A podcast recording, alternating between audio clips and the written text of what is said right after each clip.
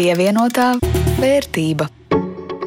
Sveicināti sezonas noslēdzošajā raidījumā par ekonomiku, naudu, ieguldījumiem, pievienotā vērtība. Kā ierasts, jums to veido Jānis Rāmāns no Latvijas Rādio un Rudīts Pukovskis no Latvijas televīzijas. Nu, šodien mums attālināti pievienojas vēl viens raidījuma dalībnieks, eksperts statusā, Īna vēl pensiju fondu valdes priekšsēdētājs Andrejs Martīnovs. Labdien! Labdien!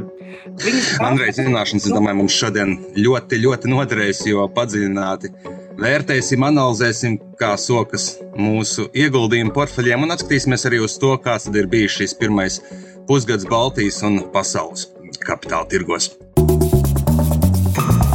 Pievienotā vērtība. Pirms ķeramies tam vērsim pie ragiem, īsi atgādināsim arī klausītājiem, par ko īsti runa. Pirms pusotra gada, lai nebūtu tā, ka mēs tikai runājam, gudra, gudras padomus dodam par uzkrājumiem, ieguldījumiem, nolēmām, ka labākais veids, kā pārbaudīt un saprast, vai tie padomi strādā, un arī vienlaikus mācīties no kļūdām, ir to darīt pašiem. Nu, tad mēs katrs sakrājām 300 eiro, pavisam īstu naudu, ieguldījām tos Baltijas uzņēmuma akcijās, katrs izveidojot nu, pēc sava prāta ieguldījumu portfeli. Nu, tad sāncensība varēja sākties. Sākotnēji mēs bijām sadalījuši teritorijas, Latvija mums piederēja abiem, bet man bija Lietuvas uzņēmumi, Jānim attiecīgi Igaunijas. Šo noteikumu pirms pusgada gan atmetām, bet nu, tā sākotnējā izkārtojuma ietekme joprojām mūsu portfeļos ir labi redzama. Un jāteic, pirmais gads ar nelielu astīti mums bija ļoti, ļoti veiksmīgs. Iesācēja veiksmē, tirgus situācija, vai var jau, protams, arī teikt, ka mūsu ģenerālais prāts un saprāšana par lietām, par to var padiskutēt, bet Rudīts portfels varēja lepoties ar vērtības pieaugumu virs 40%, spējot šos sākotnējos 300 eiro izaudzēt par 423,50 eiro. Jā, jā, jā, bet vienalga, Jānis tā pieticīgi tādu man tā izceļ, bet es skaudīgi skatījos uz Jāni, viņam veicās labāk, viņa 300 eiro tika pārvērsta par tevi 500 un attiecīgi vērtības pieaugums 66%. Tā vairs nav, uzreiz var teikt, bet par to tūlīt jau palrināsim mazliet vairāk, bet eh, tolaik mūsu pieaicinātais eksperts teica, apsveicu, esat apsteiguši vidējo tirgus rādītāju, un rezultāti ir ļoti, ļoti labi.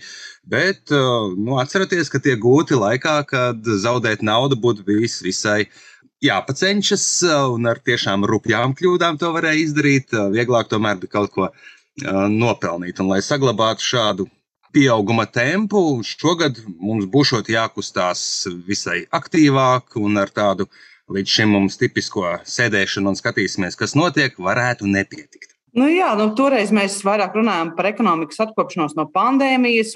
Reti kurš ticēja, ka Krievija tiešām iebruks Ukrajinā, slepkavos tur cilvēkus, ka karš, sankcijas izraisīs jaunas satricinājumus visas pasaules ekonomikā. Man bija grūti noticēt. Jā, nu kādos ūdeņos, cik nemierīgos tad ir aizvadīts šis pirmais pusgads. Domāju, ir īstais brīdis dot vārdu arī mūsu pieaicinātajam ekspertam Andrijam Martīnovam. Šķiet, te jau visos kapitāla tirgos, Baltijā un arī citvietā pasaulē, nu, šogad nopelnīt bija visai pagrūti. Visur redzam sarkani mīnusi. Jā, tā tas ir. Principā šīs pirmais pusgads tirgos bija tāds nemierīgs, un investori diezgan bieži krita tādā panikas sajūta vai panikas apstākļos. Un eh, tas eh, noteikti jau tā uz gada sākuma bija sākušas bažas par ekonomikas eh, attīstību. Tad tas pieprasījuma atjaunošana, jo mēs ilgi, ilgu laiku sēdējām ierobežojumus un krājām savu pieprasījumu. Mēs atlikām kaut kādus pirkumus, mēs atlikām kaut kādus ceļojumus, mēs nevarējām pat mēs atlikām, bet mums nebija iespējas izmantot uh, daudzus pakalpojumus un uh, lietot uh, produktus visplašākā nozīmē.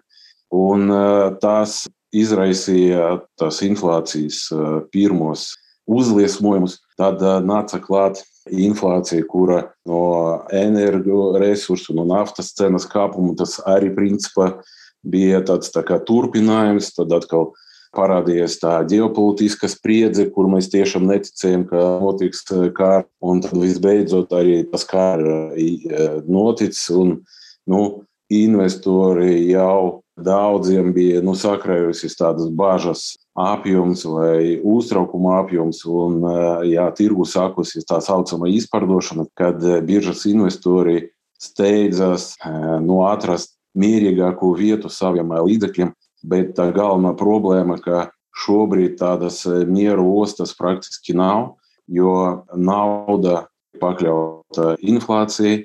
Kā, ja mēs paskatāmies visapkārt, šobrīd laiks zaudēt naudu, ja es tā, nu, es tā pavisam nopietni un tā tieši pateikšu. Ja? Jo nopelnīt var tikai, ja tu spēlē uz cenu kritumu. Bet atkal ilgtermiņā tas nu, nav iespējams darīt, tāpēc ka tie instrumenti, caur ko to var darīt, viņi arī ilgtermiņā apēd tavu kapitālu, tāpēc ka viņi tā tiek veidoti. Nu, var, protams, spekulēt uz šo cenu kritumu, bet nu, Baltijas biržā īsti tādu instrumentu cilvēkiem parastajiem nav. Kā rudīt, tavs portfels šo laiku pārdzīvoja? Arī visus lielos sarkanos mīnusos, vai, vai nav tik traki? Nu, Zini, kā ja Andrejs saka, ka šis ir laiks zaudēt naudu, es esmu kvalitatīvi teikt, dzīvojis šajā laikā. Uh, Respektīvi, gada sākot, manā, man portfeļa vērtība bija 423,53 eiro. Nu, tagad ir 386,19 eiro. Nu, kopā tur vēl nedaudz ir dividends kontā. Nu, bez dažiem centiem 400 eiro. Nu, tā mīnus 5,6% pusgada laikā. Esmu zaudējusi, neesmu mainījusi būtiski neko no savām akcijām. Tagad esmu pēdējās dienas mazliet iztērējusi samaksātās dividendes, tur bija kaut kāda maz 11 eiro. Nopirku Telija Lietuva akcijas. Nu, tā mana sajūta šobrīd, nu, kā parasti cilvēkiem, ir trīs, trīs reakcijas uz dažādām briesmām. Daži bēg, citi kaujās, Nu, un citi vienkārši tā sastingst un pieplūk pie zemes. Es no, šajā gadījumā esmu sastingusi un pieplakusi pie zemes. Uzņēmumi, kas ir manā portfelī, es viņiem neredzu kaut kādas būtiskas problēmas, kuras man liktu pārdomāt to, un tad pašreizējos mīnus Nu, tā kā man to naudu nevajag rīt, nevajag parīt, es varu mierīgi kādu laiku sēdēt uz šīm akcijām un cerēt, ka situācija stabilizēsies, viņu vērtība augs.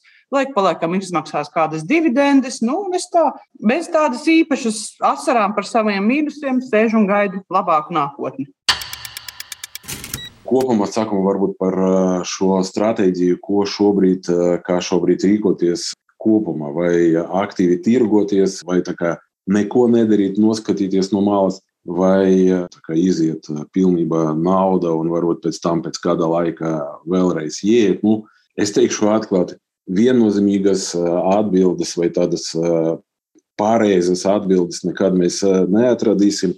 Tas, protams, atkarīgs no tā, cik cilvēks vai investors ir gatavs veltīt tam uzmanību. Uzmanība skaidrs, ka tādos svārstīgajos laikos un brīžos, kad eh, cenas eh, mazinās, jā, tāda aktīvāka rīcība, tas varbūt arī tas labākais veids, kā tomēr eh, nodrošināt sev pozitīvu ienesumu arī tādos apstākļos. Bet skaidrs, ka tad jāvēlta diezgan daudz laika. Neko nedarīt arī ir labs variants, bet tikai ar nosacījumu, ka to naudu mēs neņemsim ārā un mēs tiešām turēsim viņu nu, vēl 5, 10 gadus. Jo Mēs varam arī šobrīd derības slēgt un uh, uz jebkādiem saka, objektiem derības. Es esmu pārliecināts, ka cenas pēc kāda laika būs augstākas nekā šobrīd.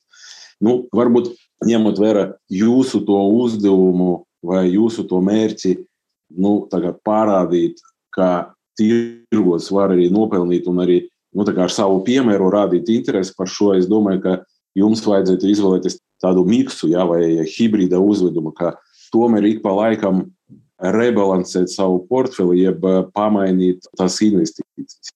Ja, tas attiecas uz, uz abiem portfeļiem, šis eh, mans viedoklis. Ja. Runājot par rudītas portfeli, nu, es šeit neredzu tādas ļoti izteiktas, lielas, nu, tā saucamas kļūdas vai tādus emitentus, kuri nu, galīgi šeit nederētu un kurus noteikti vajadzētu nu, to, ka laika pamest. Es pat teiktu, ka te iet runa par vairāk par to, vai ir kādi šobrīd stabilākie emitenti, kuras, vai akcijas, kuras varētu iegūt. Es ļoti labi novērtēju, man, man ļoti labi patīk tas, ka Rudītas portfelī ir Linas agro akcijas, kuras šobrīd piedzīvo diezgan pamatīgu kāpumu, jo uzņēmums nodarbojas ar lauksaimniecību un šobrīd lauksaimniecībā dēļ atkal visas tās ģeopolitiskas situācijas, dēļ Ukrainas tur rāžam un visam tam lauksaimniecības produkcijas eksporta pārtraukumiem un sankcijiem ar Krieviju. Nu, ļoti tāda augstas efektivitātes vai augstas atdeves apstākļos atrodas. Ja. Protams, es tagad noteikti neaicinu skriet un pirkt šīs akcijas biržā, tāpēc ka tas, ko es, tos pozitīvas lietas jau ir tajā cena. Es tie investori jau ir iecenojuši un es ir pārvērtējuši. Nu, tad, lai saņemtu šādu pozitīvu efektu, tas bija jādara pirms, nu, praktiski pirms pusgada. Ja? Nu, tas investīcijas. Bet arī šobrīd tas, ka šīs akcijas ir portfeli, tas ir ļoti labi vērtējams no manas puses atzīmē. Tas pats runājot par šauļu banku, Nu, akcijas pēdējā laikā tiešām neuzrāda pozitīvu rezultātu, bet, ja mēs salīdzinām ar citiem birža kodētām bankām, tādam kā LHV un Kopbanku, par ko varbūt drusku vēlāk parunāsim, tās akcijas ir nu, salīdzinoši lētas no vienas puses, bet no otras puses apstākļos, kad likmes pieaug, banka, banku biznesa, nu, ir tāds pieprasītāks, vai viņš nes labus rezultātus, respektīvi banku darbības rezultātu uzlabot. Tas, kāpēc, kas traucē varbūt bankam tagad banku akcijiem izaugt līdz debesīm, ir tā, tās bažas par to, ka inflācijas, tās augstas inflācijas laiki pārtāps par stagflāciju. Ja, kad ekonomika neattīstās, bet inflācija ir diezgan augsta. Ja, tās bažas arī traucē bankam, banku akcijiem kāpt vai augt vēl straujāk. Nu, tad varbūt tās izmaiņas, kuras es varbūt arī veiktu, es nedaudz palielinātu. Arī, ja mēs skatāmies uz Lietuvas reģionu, ja, es pieliktu klāt varbūt pienu pārstrādes uzņēmumus, it sevišķi Vilkišķi pienas tādu uzņēmumu un arī Žemaitijas pienas, jo viņi mazāk orientēti uz tā saucamo retail vai, nu, restīvi tā vienkāršot, viņi mazāk ražo tās preces, ko mēs redzam veikalos uz plaukta. Ja? Restīvi viņi nav pakļauti, negatīvi pakļauti inflācijai. Tādēļ es arī paskatītos uz enerģētikas sektoru, tāpēc ka arī šeit augstas cenas palīdz pelnīt vairāk. Nu jā, tad es varbūt izvēlētos samazināt savu īpatsvaru Hanza Matriksa, tad arī Tēlija Lietuva, un tad varbūt novirzītu šos līdzekļus tieši šajos uzņēmumos.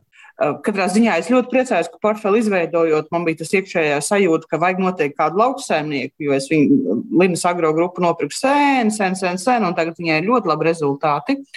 Bet Jāni pastāsti par savu brīnišķīgo portfeli. Iesākot uh, mūsu eksperimentu, tad pirmais gads bija ar plusiem, tad nu, man arī mīnusi tagad ir uzreiz lielāki. Līdz šim nebija tā rēķinājis, bet gatavoties šim raidījumam, piesēdos pareiķināju. Nu, protams, pirms tam ik pa nedēļai tu redzi, ka kaut kas paliek mazliet mazāk, mazliet mazāk, tā pakāpjas atpakaļ un turpina atkal krist lejup.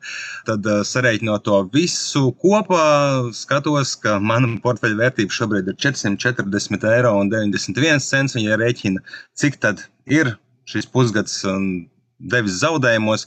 Naudas izteiksmē tie ir 50 8 eiro, ja 11,6%. Tā kā uz pusi vairāk rudīt nekā tev, no tā, kas bija gada sākot, un zaudējumi visai plašā laukā. Nu, praktiski pusgadu laikā viss man iegāda uzņēmuma akcijas ir kļuvušas mazliet vai ļoti lētākas, un četru uzņēmuma akcijas jau maksā mazāk nekā to iegādes brīdī. Pirms pusgada nebija neviens tāds. Jā. Tostarp šogad nopirktais Viļņas biržā pieejamais slēgtais ieguldījumu fonds Inval Technology Nordecon akciju cenu kritums man nograuz diezgan diezgan vismaz 10 eiro. Tallink, kā iepriekš pandēmijas pirmajā ziemā, neko nedara un tajā brīdī nopirks. Tā arī turpinājis līdz šim neko nedarīt. Un mīnusos ir iepeldējis visticamāk jau ka sankciju un tirzniecības ar Krieviju dēļ, Tallinas osta.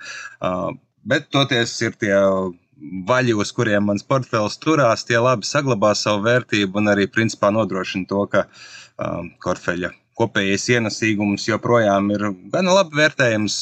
Igaunijas Kūpank, man tie lielākie pelnītāji Latvijas Saftehnika un arī Enefit Green un arī par būvniecības sektoru. Merko Ehitus īsti man sūdzība nav, ņemot vērā īpaši to, ka burtiski vakar tika saņemtas dividendes. Tāds lūk izskatās mans portfelis. Andrejs arī droši vien tajā ir ielūkojies. Ir kāds komentārs, tur viss slikti. Ko es teiktu, pat labāk nekā vidējais tirgu, arī Rudīts portfelis. Viņš ir pakrities no noteikti ne vairāk, kā vidēji tirgus ir samazinājies.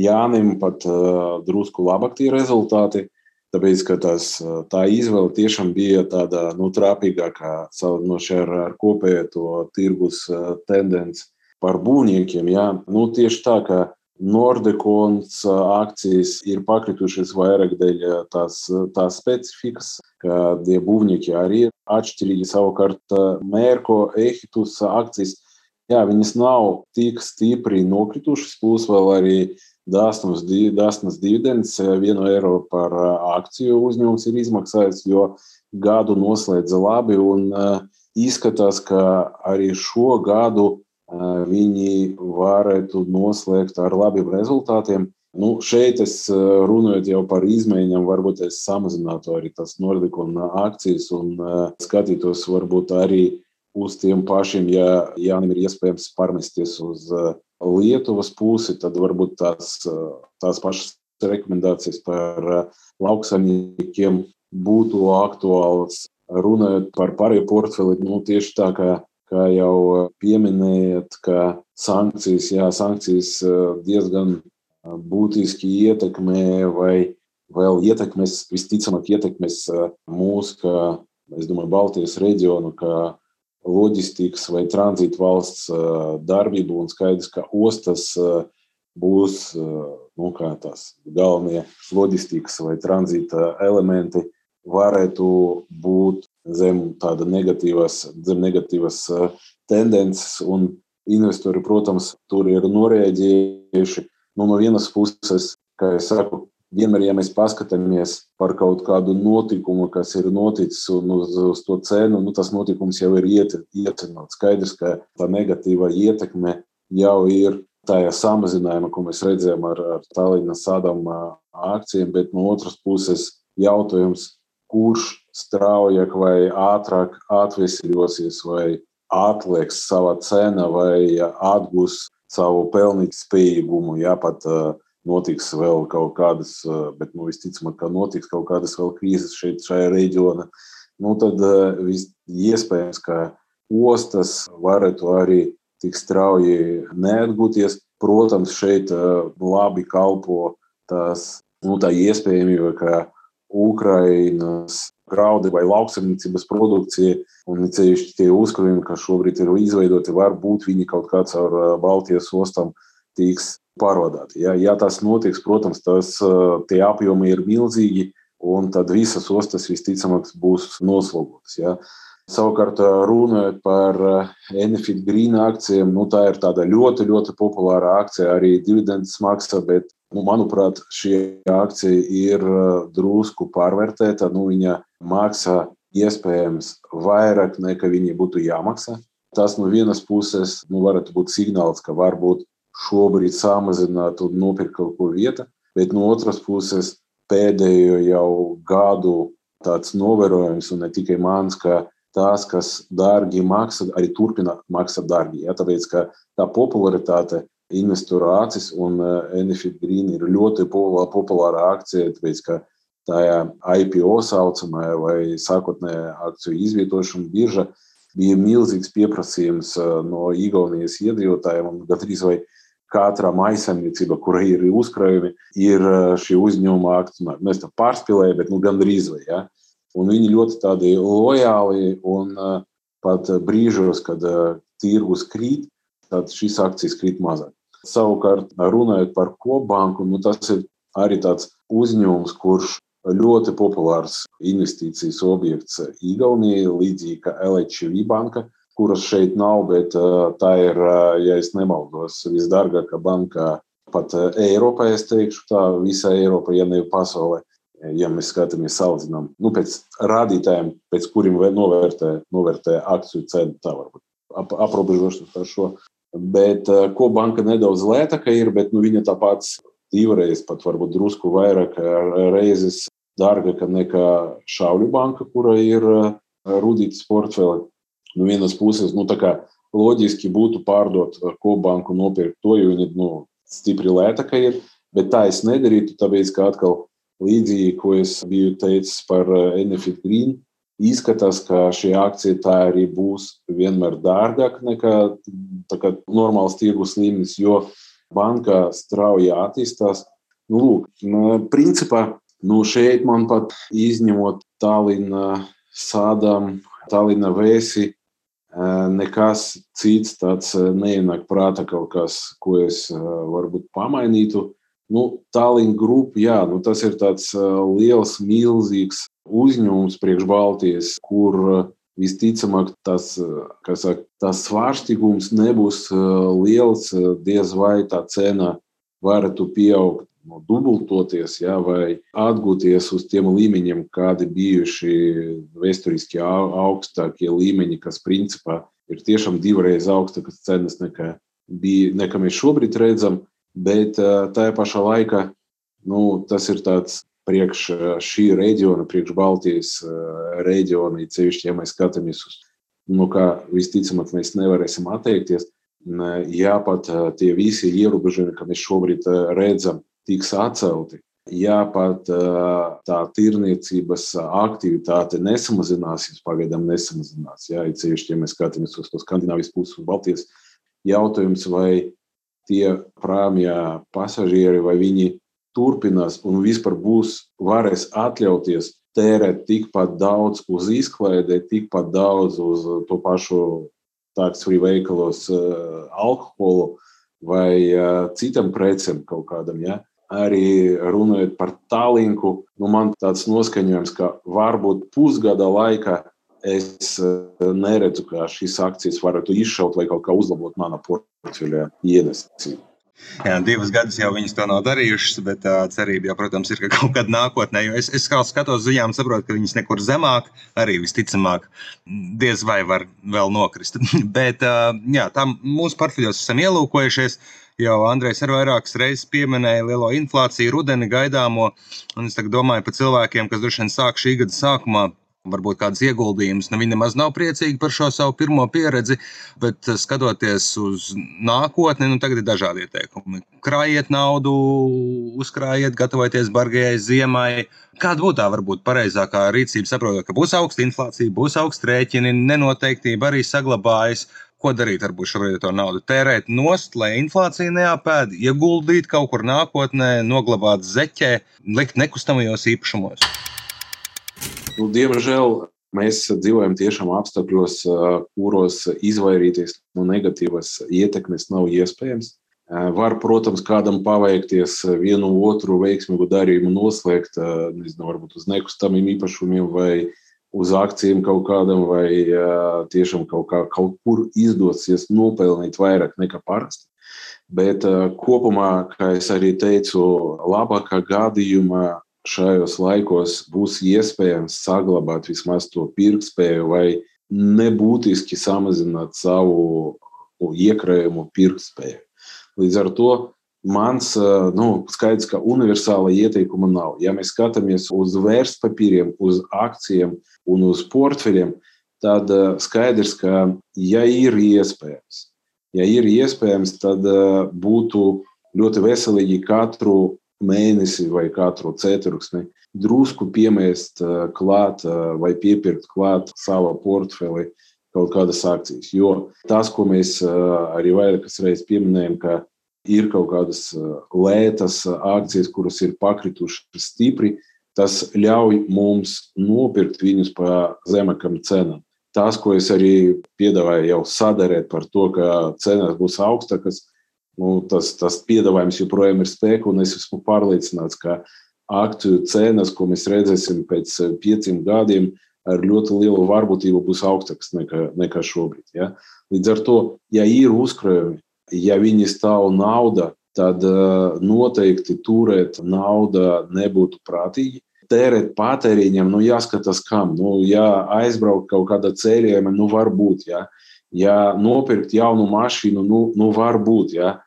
Nekustamais īpašums, nu, var mēģināt, ja neprasa ļoti lielus aizņemtos līdzekļus, ja, jo likmes augs, un tad mēs visi hipotekāro kredītu, kā saka, īpašnieki, ja, vai tie, kuri iesaistās tādos kredītos, nu, mēs redzēsim, ka līkmēm, līkmēm pieaugot, mūsu maksājumi arī palielināsies. Ja? Nu, tas nozīmē to, ka jāskatās nu, tāda stresa scenārija, kas notiks, ja līkme pieaugs. Tā pievienotā līkme, vai respektīvi nevis pievienota, bet bāzes līkme eiro pieaugs pa 2%. Ja? Vai ja nu būs plus 4%, nu, vienkārši vajag paņemt ar kalkulātoru un pārreikināt, vai pajautāt bankai, lai viņi palīdz jums sarēķināt ikmēneša maksījumu, lai saprastu, kā jūsu, nu, cik tālu jūs varēsiet atļauties šos hipotekāros maksājumus. Bet, ja ir tādi brīvi līdzekļi, kurus jūs eh, tiešām eh, nu, redzat, ka viņus ēda inflācija, es domāju, ka akciju tirgus ir viens no variantiem. Vismaz es tā daru ar savu naudu, ar saviem uzkrājumiem. Un tas galvenais varbūt ok, neguldīt uzreiz visu summu, ja, bet pakāpeniski ieiet šajā tirgu, nedarīt varbūt tā kā jūs, ja es pareizi sapratu, ka jūs vienu brīdi ieguldiet, un tad eh, vairāk to naudu tur kā, nu, nekustēt, nu, klāt nelikat. Ja. Jo iedomājieties, ja jūs pie tām naudiņām, ko jūs uzreiz ieguldiet, arī katru mēnesi vēl pa 50 eiro liktu klāt, ja, jūsu tie rezultāti būtu pavisam citi, tāpēc ka jūs paspētu vēl varbūt vēl lētāk kaut kādas akcijas nopirkt, jā, tajā Covid laikā. Un, eh, jā, jūs piepirktu klāt arī nu, dārgāk tas akcijas, bet kopējais rezultāts jums būtu labāks. Pievienotā vērtība. Ar to arī izskan šīs nedēļas un arī šīs sezonas pēdējais pievienotās vērtības raidījums. To jums sagatavoja Jānis Rāmāns no Latvijas radio un Rudijs Pakovskis no Latvijas televīzijas. Vērtēt norises kapitāla tirgos un Baltijas biržā mums palīdzēja arī Invulu pensiju fonda valdes priekšsēdētājs Andrejs Martīnovs. Jā, nu vasarā mēs nedaudz atpūtīsimies, bet tiksimies jau rudenī, kad ekonomikā un tautsājumniecībai izaicinājumi. Tas ir pieklājīgi parasti saka, ka būs grūti laiki. Visticamāk, netrūks. Bet, ja sailgojaties pēc mums, šo un arī cits mūsu raidījumus, bieži vien daudz garāks un plašāks nekā radio ēterā, var atrast un noklausīties raidierakstu vietnēs un arī Latvijas radio mobilajā lietotnē. Uz tikšanos!